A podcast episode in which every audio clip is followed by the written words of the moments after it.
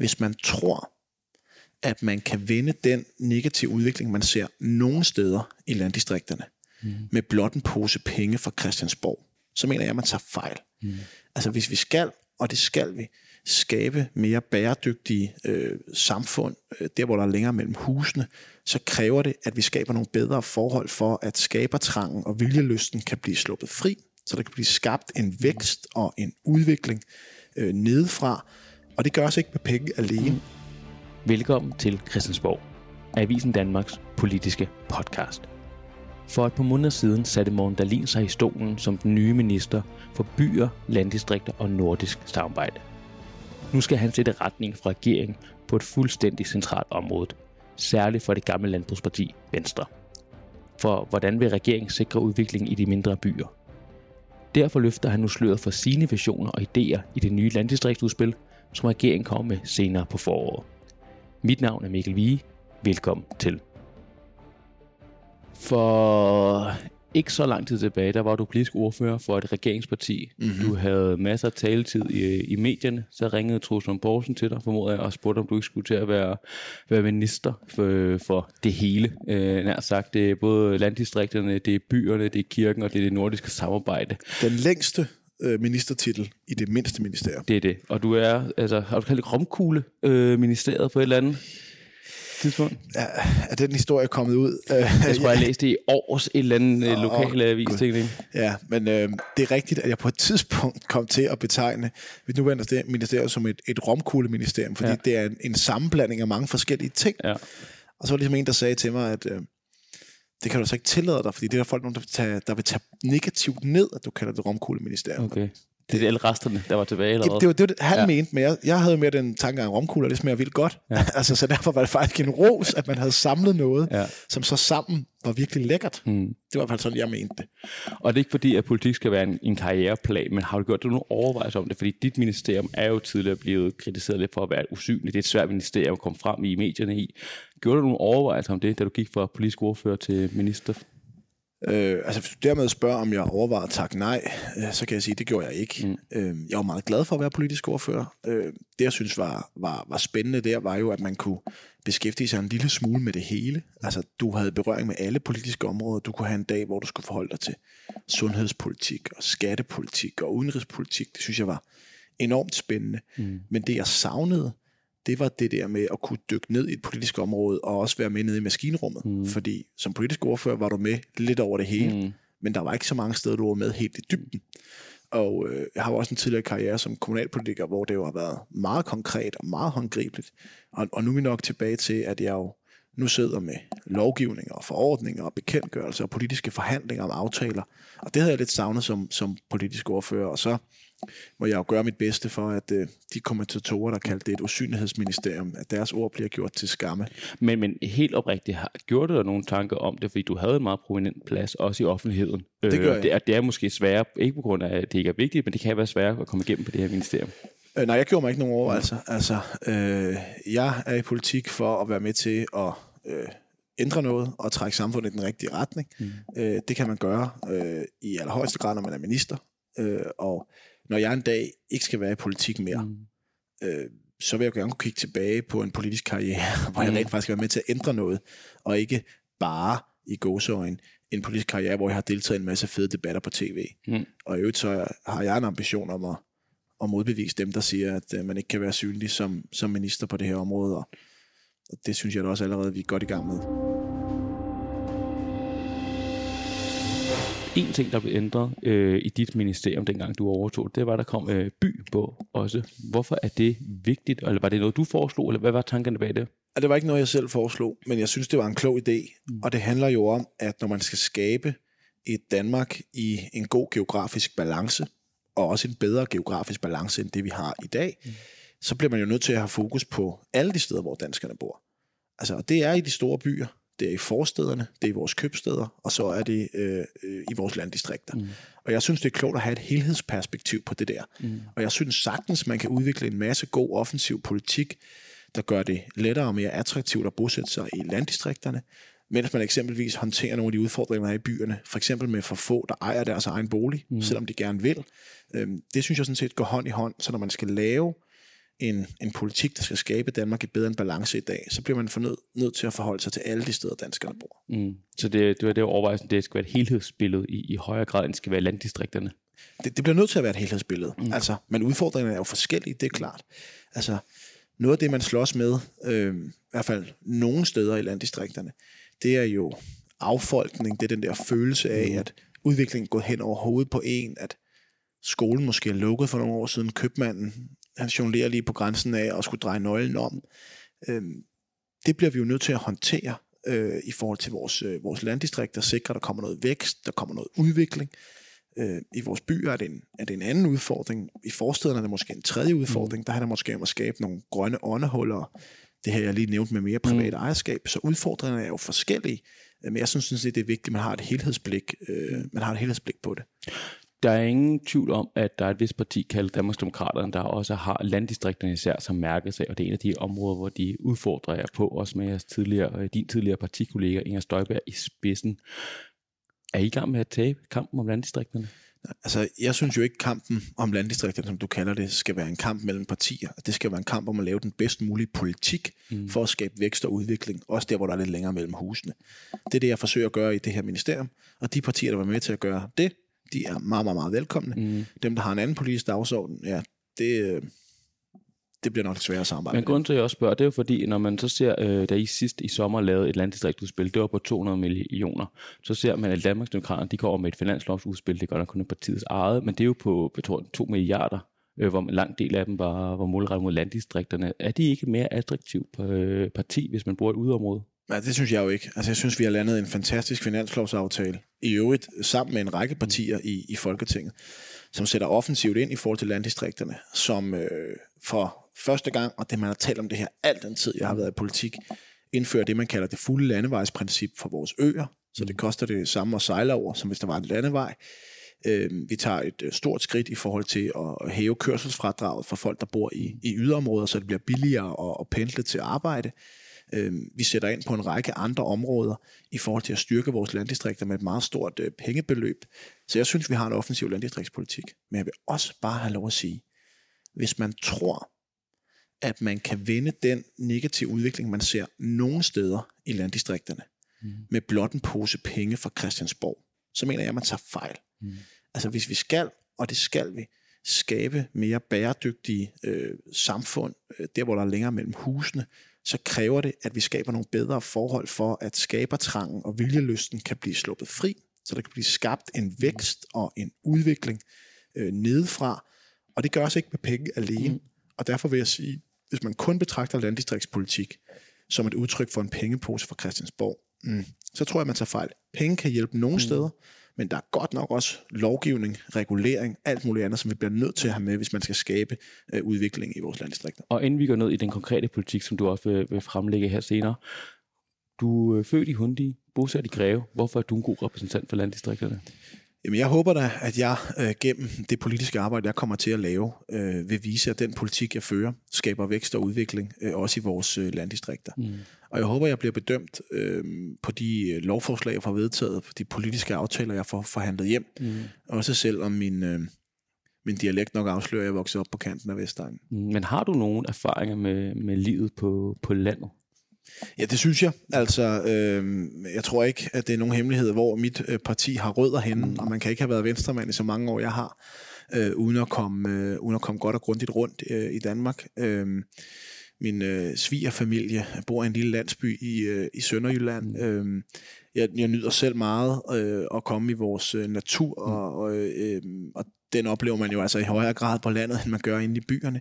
Men, men jeg vil også insistere på, at vi i det, den politiske debat bliver nødt til at vurdere hinanden på, hvilke politiske resultater mm. skaber vi.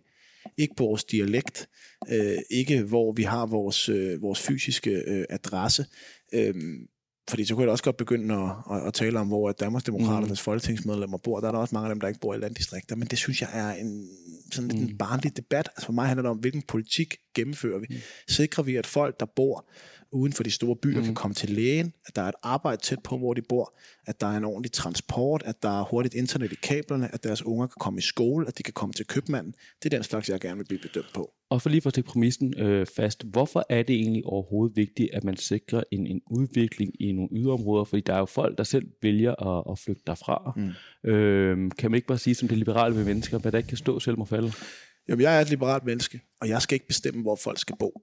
Men vi kan jo se, når man spørger danskerne, at der er faktisk mange, der har en drøm om mm. at bosætte sig øh, i de mindre byer, i små landsbysamfund, øh, og sådan set også øh, i de tyndest, egnede befolket, øh, tyndest befolkede egne af, af Danmark. Det, der er udfordring i dag, det er, at der mange, der ikke tør tage det spring, fordi de er bekymret for nogle af de ting, jeg lige nævnte. Er vi sikre på, at der også er en skole i fremtiden til vores unger? Øh, kan jeg komme ned og handle til købmanden? Øh, er der en arbejdsplads i mit lokalområde, eller bliver jeg nødt til at pendle ind til den største by, der ligger langt væk, og derfor bruge for meget tid i en bil eller et tog, i stedet for at bruge dem sammen med min familie? Og derfor bliver vi jo nødt til at skabe nogle rammer og give nogle vilkår, så de mange mennesker, der faktisk har lyst til det her, også oplever, at de tør det. Mm. Og så skal jeg ikke tvinge øh, nogen til at bo et bestemt sted, eller udtale mig om, at man er et bedre menneske, hvis man bor det ene mm. sted end det andet. Så det er ikke et mål, at der er flere mennesker, der skal bo i, øh, i yderområderne? Jamen, det er det jo, fordi danskerne har et ønske om det, hvis man spørger mm. dem. Øh, og det er et ønske, at der er flere, der kan få deres boligdrøm opfyldt. Mm. Men der er mange, der ikke tør det i dag, og derfor skal jeg skabe de bedre vilkår. Og hvordan skal du så skabe det? For som jeg forstår det, så præsenterer I her senere i foråret 2024 et landdistriktsudspil. Kan du lige sige, hvad, hvad er det, I går og pynser på? Jo, men øh, vi, vi tager et helhedskig på det her. Øh, altså, der er, der er mange parametre, vi skal, have, øh, vi skal have adresseret i det her. Hvis man starter med det, der handler om noget, jeg synes er enormt vigtigt, jeg er jo borgerlig. Altså, jeg er et liberalt menneske. Øh, jeg tror på, at hvis man skal skabe noget, der øh, kan stå selv, så skal der være vækst, der skal være udvikling, der skal være private øh, arbejdspladser. Øhm, og derfor bliver vi nødt til at kigge på nogle af alle de mange love, regler, forordninger, som har givet enormt god mening bag et skrivebord her på Christiansborg, mm. men som bare ikke passer ind i virkeligheden. Jeg har siddet og kigget på listen over de indsigelser, de til enhver tid siddende planminister, det som jeg er nu, mm. øhm, de projekter ude i landdistrikterne, som man har gjort indsigelse mod, fordi det ikke passer med lovgivningen. Altså det er et stort millionbeløb af private investeringer, vores landdistrikter er gået glip af, fordi lovgivningen er for stram. Og her skal jeg lige huske, det er de projekter, der er ind på mit bord, fordi kommunerne godt troede, de kunne blive til virkelighed. Så er der alle dem, kommunerne har stoppet, fordi de siger, at det der det slet ikke inden for lovens rammer. Så er der alle dem, man, har prøvet, man ikke engang har prøvet på, fordi man godt ved, det må man ikke i Danmark. Og her bliver vi nødt til at finde en bedre balance i den lovgivning, vi har. Kan du være konkret? Hvad er det for nogle øh, episoder, du, du ser, når du kigger på papiret? Det kan jeg godt. Altså, det handler jo meget om planloven. Altså, jeg kan give nogle konkrete eksempler. Øhm, på Samsø, der øh, ligger sådan en øh, gammel betonfabrik, der ikke ligger særlig langt fra vandet. Mm. Den er ikke specielt køn at kigge på. Den, den skæmmer landskabet, og lige nu skaber det ikke noget vækst og udvikling, fordi den står tom. Mm. Der har været en privat udvikler, der gerne vil lave det om til et hotel. Han ville smide nogle penge efter det. Det vil sige, at der var nogle håndværkere, der fik noget løn for at mm. gå og lave den. Øh, efterfølgende ville der komme nogle turister, der havde mange penge, der ville kunne skabe noget arbejdsplads, der ville kunne skabe noget vækst. Øh, og på den måde ligesom være med til at løfte Samsø som lokale samfund. Og man ville egentlig gerne. Det fik man ikke lov til. Fordi du må ikke ændre anvendelse på den bygning, fordi den ligger for tæt på vandet. Mm. Det, det er jo sådan noget, som ikke giver mening ude i virkeligheden. Og jeg forstår godt den bagvedliggende årsag her, at vi skal beskytte vores kyster. Det vil jeg også gerne. Danmark skal ikke være Mallorca med betonhoteller i, øh, i, i vandkanten. Men vores kystbeskyttelseszone i Danmark er 3 km bred. Mm. Det kan godt synes øh, som lidt, hvis man sidder... Så den skal være øh, mindre? Mm, mm, vi skal i hvert fald, tror jeg, kigge på, hvilke rammer er det, vi giver for udvikling. Fordi 3 km er det meget. Altså, det er det på Langeland. Mm. Langeland er mindre end 6 km bred. Og det vil sige, at borgmesteren, der er jo der SF'er på Langeland, han mm. står og siger, jeg kan ikke udvikle min ø, jeg kan ikke udvikle de nye boligformer, de unge gerne vil bo i, jeg kan ikke udvikle de erhvervsvirksomheder, som gerne vil skabe vækst og udvikling.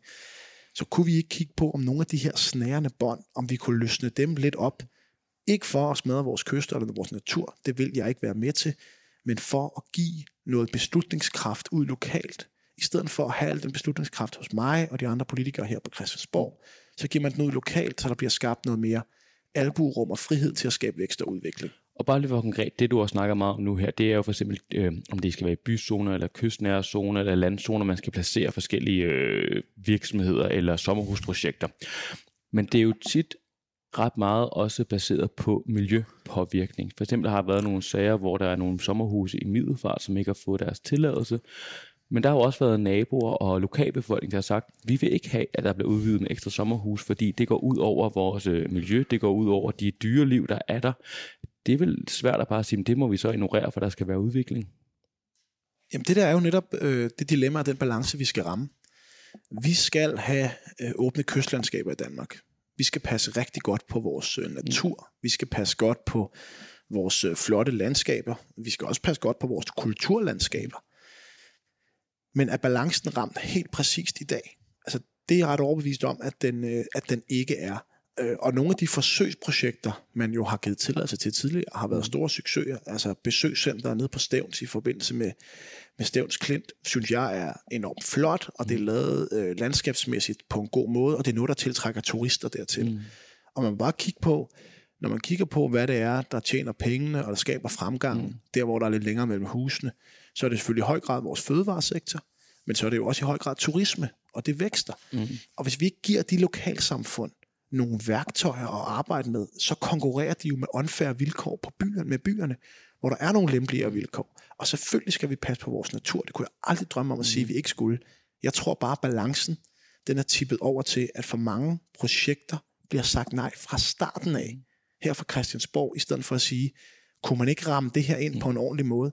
Og det jeg egentlig gerne vil, det er, at jeg vil gerne decentralisere. Jeg vil gerne tage noget beslutningskraft væk fra mig på Christiansborg, og så give ud lokalt til dem, der er valgt lokalt, mm. til dem, der bor lokalt, i forhold til at sige, at det her projekt, det passer godt ind i vores lokalområde. Her vil vi gerne have de private investeringer, der kan være med til at skabe en, en bæredygtig udvikling. Men når du siger, at du gerne vil lempe planloven, er det så ikke i højere grad at øh, også liberalisere det og gøre det mere på markedskræfter, der skal også kunne beslutte, hvilke ting, der skal opføres? Det er virkelig at gøre det mere lokalt. Altså det er at fjerne noget beslutningskraft fra mig og lægge det ud lokalt. Mm. Det er det, jeg gerne vil.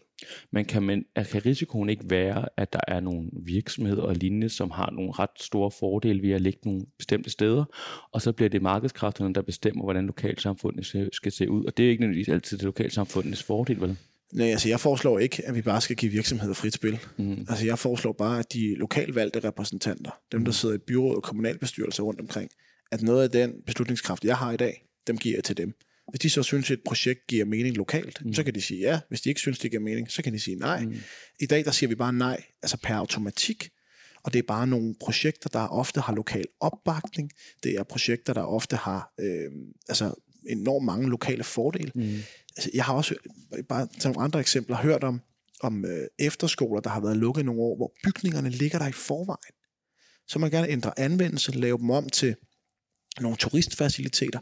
Det må man ikke. Mm. Jeg er med på, hvis man sagde, nu vil jeg bygge en masse nye, så skulle vi nok sige, at ah, det er ikke en god idé, vi har et åbent kystlandskab. Men når bygningerne ligger der i forvejen, kunne vi så ikke være lidt mere liberale, lidt mere frihedsorienteret i forhold til at sige, når bygningen ligger der i forvejen, så må man da ændre anvendelse, så vi kan få skabt noget vækst og nogle arbejdspladser. Det, det, det tror jeg er ret nødvendigt at gøre. Men hvordan kan du konkret gøre det? Altså hvad er det, du præcis vil, vil, vil ændre på? Jamen det øh, lover jeg, at jeg nok skal delagtiggøre øh, Avisen Danmarks både lytter og læser i, når vi kommer med vores landdistriktsudspil. Men vi skal kigge på, om vi har ramt de helt rigtige balancer i dag. For det er ret overbevist om, vi ikke har. Mm. Men til det, du så spørger med markedskræfterne, der, en, altså, en refleksion, jeg selv har gjort mig, det er at sige, øh, der er også nogle gange, hvor staten må træde til med noget hjælp. Mm. Altså, der er nogle ting, der er dyrere at drive der, hvor der er færre mennesker. Og der bliver vi nødt til at hjælpe. Altså, sikre, der er læger, sikre, der er øh, en vis grad transport, sikre, der er hurtigt internet i kablerne osv. Øh, det, det, det bliver vi nødt til også at hjælpe med nogle gange fra statens side. Og der har jeg sådan et eksempel, som jeg har fremhævet et par gange, fordi jeg synes, det viser meget om, hvordan man skal gøre. Mm.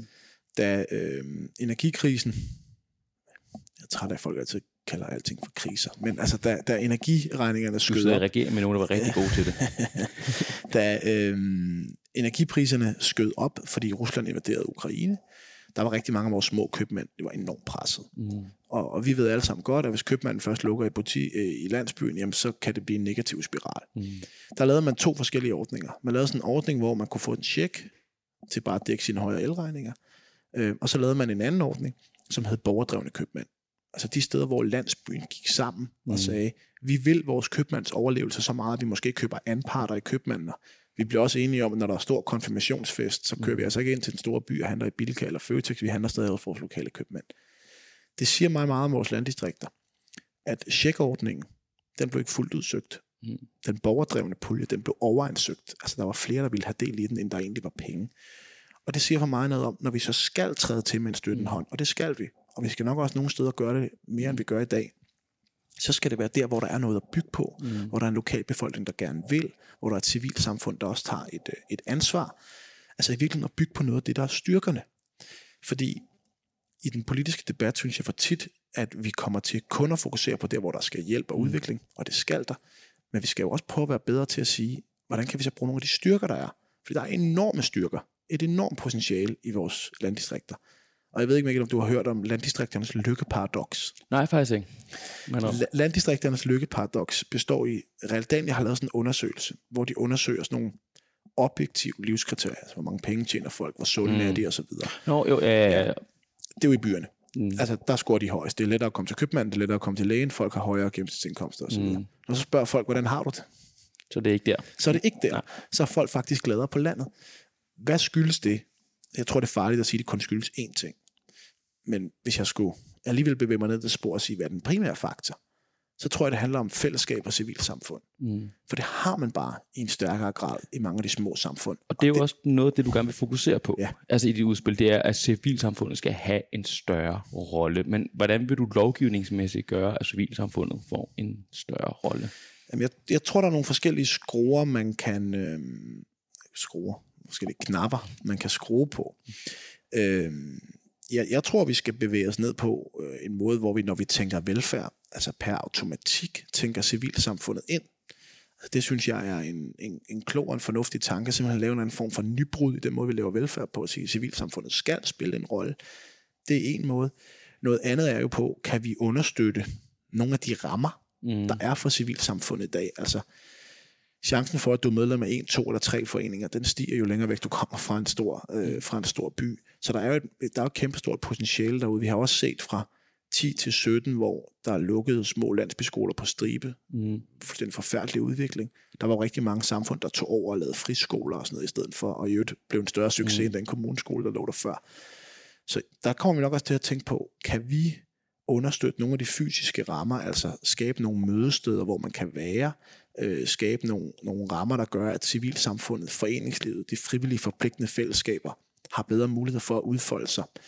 Det er også nogle af de overvejelser, jeg går med. Men nu siger du, at civilsamfundet skal spille en større rolle. Hvor skal de gøre det henne? Jamen, det skal de gøre mange steder. Øh, altså, jeg tror slet ikke, vi kommer udenom. Nu diskuterer vi jo ældrepolitik i øjeblikket. Mm. Øh, altså, jeg har den grundlæggende holdning, at uanset hvor mange dygtige og engagerede medarbejdere vi ansætter i ældreplejen, mm. og der skal vi have nogle flere i årene fremadrettet. Både fordi der kommer flere ældre, mm. men også fordi jeg som venstremand ønsker et højere serviceniveau. Øh, så kommer man ikke udenom, at de vil aldrig kunne udfylde en opgave, som en frivillig besøgsven kommer. Altså den hjertevarme, man udviser ved at Mm. komme der frivilligt, uden man får penge for det, fordi man synes, det giver mening for sig selv, men også for andre. Det kan noget helt unikt. Det kan noget særligt, som den offentlige sektor aldrig vil kunne løse. Så eksempelvis, når man tænker ældrepolitik, jamen, så kommer vi slet ikke udenom, der skal civilsamfundet spille en større rolle. Men hvad Det er med, jo ikke kun på landet. Det er i den grad også i byerne. men hvad med for eksempel skolerne? Det er jo noget af det, der er mest presset i yderområderne. Hvis så begynder at sige, at altså, civilsamfundet skal have en større rolle på skolerne, og hvad skal de så udfylde for en rolle? Men det er jo faktisk noget, det vi allerede har gjort med vores folkeskoleudspil, hvor vi jo gerne vil give noget af beslutningskompetencen mm. til skolebestyrelserne. Mm. Altså øhm, jo i virkeligheden ud fra noget af det, der har virket på friskolerne. Altså friskolerne har været ret dygtige til at tiltrække engagerede, dygtige forældre og lokale samfund til nogle af de her skolebestyrelser. Hvorfor har de det? Fordi de har en større indflydelse. Mm. Altså de fleste mennesker synes jo ikke, det er særlig skægt at være et sted og bruge en masse frivillig Mm. tid på noget, hvor du alligevel ikke kan bestemme noget. Så det er jo faktisk et sted, hvor vi med vores folkeskolespil har rykket os i en retning af civilsamfund, mm. for den sags skyld også erhvervsliv, mm. øhm, skal kunne spille en større lokal øh, rolle, for eksempel i forhold til skolerne. Men nu siger du, at øh, på ældreområdet, der skal øh, civile for samfundet spille en større rolle. Det udspil får vi formentlig her øh, ja, snart. Så siger du også, at det allerede er sket på folkeskolen, men hvor i landdistrikterne skal civilsamfundet spille en større rolle? Jamen spørgsmålet er, om, om man i virkeligheden skal ind og sige, at det skal spille en større rolle, eller om man i virkeligheden skal sige, at den meget store rolle, det spiller i forvejen, bliver vi nødt til at understøtte på en bedre måde. Og så vil noget af den der udvikling jo sådan set også ske af sig selv. Altså jeg har snakket med lokale foreninger, øh, frivillige foreninger, øh, som siger, at de har svært ved at finde lokaler, fordi at øh, de lokaler, kommunen kan stille til rådighed, det er inde i den store købstad, det er ikke ude i de små landsbyer. Kunne man, kunne man kigge på den måde?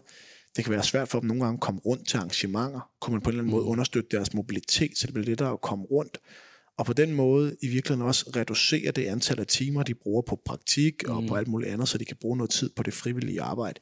Fordi det, jeg oplever ude i, i landdistrikterne, det er bare, at uanset om det så er strikkeklubben, eller om det er kirkekoret, eller om det er, så er der en ildsjæl i en landsby, der går meget op i, øh, i badminton, så arrangerer han, mm. at nu kan de unge fra byen komme ind og få badmintontræning.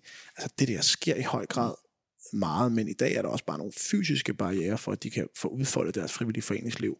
Det synes jeg, vi skal have kigget på. Jeg lavede et, øh, et dobbeltinterview med SF og Danmarksdemokraterne, der kom i sådan en ny øh, landdistriktsalliance mod øh, regeringen, og der var vi nede og besøge en friskole, det var også meget inspirerende at se de her ildsjæle, der var i gang med at starte op på det. Men en af dilemmaerne er vel også, at velfærdsstatens, tilliden til velfærdsstaten lider et knæk, fordi det er ildsjæle og civile, der skal ind og stå for, at skolen fungerer. At der faktisk er en bus, der kører derhen. Er det ikke lidt at spille for lidt i velfærdsstaten? Øh, jo, det ville det være, hvis jeg sagde, nu skærer vi ned på velfærden, øh, og så giver vi bare opgaven til mm. nogle andre. Det ville være at spille for lidt.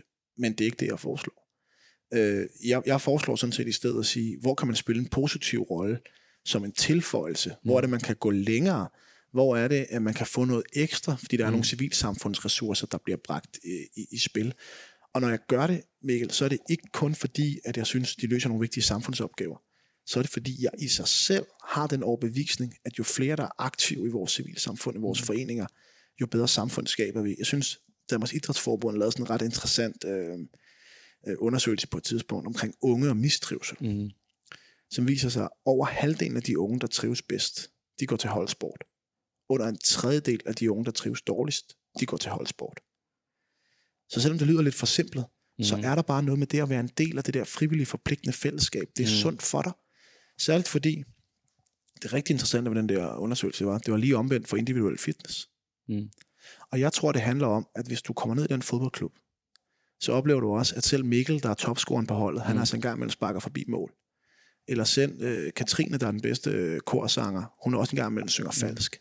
Og dermed gør man op med den der præstationskultur, øh, som ligger og presser mange unge på deres mentale trivsel. Så altså civilsamfundet og foreningerne og det er meget vigtigt for mig, skal ikke kun være med til at løse en samfundsopgave. De mm. har en værdi i sig selv. Mm. Men igen, så det, hvordan vil du sikre, at så er der endnu flere, der, der deltager, og der er en fordel i at være med i, øh, i civilsamfundet? Jamen, der er to spor der. Altså, der er helt klart et spor, der handler om, hvordan kan vi afbyråkratisere, hvordan kan vi gøre øh, den frivillige opgave lettere, end den er i dag. Altså, øh, hvis du spørger mennesker, der er foreningsaktive og har været det i mange år, mm. alle sammen vil sige til dig, at det er sværere at rekruttere en kasser nu, end det var for 10 år siden. Fordi kravene er blevet større. Altså, mm. du skal jo nærmest rundt og samle blodprøver hos alle bestyrelsesmedlemmer for at få lov at aflevere et regnskab osv. Så, videre. så der er helt klart et spor i forhold til bøvl og byråkrati. Nedbringe antallet af timer, man skal bruge på det, så man kan bruge det på det, man gerne vil. Og så er der det andet element, der hedder, hvilke fysiske rammer tilbyder vi dem jeg kan huske fra min tid som kommunalpolitiker, mm. altså en af de mest ophedede diskussioner, det kan jo lyde skørt, vi havde i, i, i det byråd, jeg sad i, det var om vores lokale løbeklub, der havde over 1000 medlemmer, skulle have et lokale i vores idrætscenter. Mm. Det var der nogen i byrådsalen, der var inderligt imod, hvad skulle en løbeklub bruge lokaler til? Mm. Men der er altså en bestyrelse, der organiserer over 1000 medlemmer, der organiserer frivillige løb. Selvfølgelig skal de have et lokale, hvor de kan mødes, mm. hvor de kan opmaksinere nogle ting. Så der er også en diskussion om fysiske rammer her. Det er de to spor, vi skal gå ud af. Mindre bøvl og byråkrati, og så kigge på, hvilke fysiske rammer er det, vi tilbyder vores foreninger. Men når du siger fysiske rammer, så lyder det også til, at der følger en pengepose med. Gør det det? Det øh, kunne godt være en mulighed. Hvor, hvad, er, hvad er størrelsesorden? Nu fik I skudt i skoen sidst, de gav 200 millioner. Det var altså en tam opgave. Ja, altså jeg sidder ikke og lover øh, nogle konkrete penge til nogle konkrete projekter her i dag. Men der er ingen tvivl om, ønsker man at forbedre øh, vores foreningslivs fysiske rammer, så koster det også nogle penge. Så det, øh, der er øh, Venstres øh, regerings landdistriktspolitik, det er, at planloven den skal lempes, og så skal civilsamfundet spille en, en større rolle. Altså, nu siger du lempes med planloven. Altså, planloven skal der, synes jeg, der skal findes en bedre balance i. Mm. Så skal vores civilsamfund helt klart øh, støttes bedre, end det gør i dag. Så er der også et spor i forhold til sundhed. Mm. Altså, hvordan sikrer vi, at sundhedstilbuddet når ud til der, øh, hvor der ikke bor lige så mange mennesker, som der gør mm. inde i de største byer. Vi har et spor omkring uddannelse. Altså både, hvordan bevarer man folkeskolerne. Fra 10 til 17 lukkede der i stribevis mm. af folkeskoler rundt omkring i Danmark. Heldigvis skytter så mange friskoler op. Mm. De seneste år er antallet af skolelukninger heldigvis faldet ret drastisk, men det betyder ikke, at der ikke er landsbyskoler, der er i fare mm. for at lukke. Øhm, der har vi også nogle initiativer i folkeskoleudspillet for at gøre det øh, lettere at drive den her, øh, de her små skoler mm. på landet. Det, det er en meget, meget vigtig del at bevare de der landsbyskoler. Hvordan kigger man også på videre i uddannelsessystemet? Altså, man også kan videreuddanne sig, efter man er færdig med, med folkeskolen, også selvom man ikke bor inde i en stor by. Mm. Så kommer vi heller ikke uden at diskutere transport og mobilitet. Altså, det er også en ret væsentlig, ret væsentlig faktor. Så vi kommer til at gå, gå, gå bredspektret til, til værks i det her landdistriktsudspil. Og så lige det sidste øh, spørgsmål, det er, holder regeringen og Venstre ikke fast i måske en romantisk idé om, hvordan Danmark var øh, på et tidspunkt? Fordi hvis du ser på eksempel beskæftigelsestallene, der har det ramt hårdt ude i yderområderne, og det kommer også til øh, påstår man at komme til at ramme den hårdere i fremtiden, fordi det vil skabt flest jobs inde i byerne. Det er jo der, hvor der skabes jobs og vækst. Kommer det her ikke til at ramme lige meget, hvor meget civilsamfund du snakker om? Altså, jeg tror på, at der også er et politisk ansvar her. Hvis vi vælger centraliseringsvejen mm. fra politisk hold, så har det selvfølgelig også nogle konsekvenser i vores landdistrikter. Og hvis vi vælger decentraliseringsvejen, mm. så har det også nogle positive effekter for vores landdistrikter. Og for mig handler det ikke om at tvinge folk til at arbejde og bo nogle bestemte steder. Det handler om at give de mennesker, der har lyst til at bo uden for de store byer, en reel mulighed for at gøre det, fordi de også kan leve et godt og et sundt og et skønt liv med deres familie, der hvor de gerne vil. Tak fordi du var med, morgen. Selv tak, det var en fornøjelse. Tak fordi at du lyttede med. Vil du have endnu flere interviews, analyser og nyheder om dansk politik, så kan du gå ind på avisendanmark.dk. Der sørger vi hver dag for, at du får de vigtigste historier om dansk politik. Vi lyttes ved.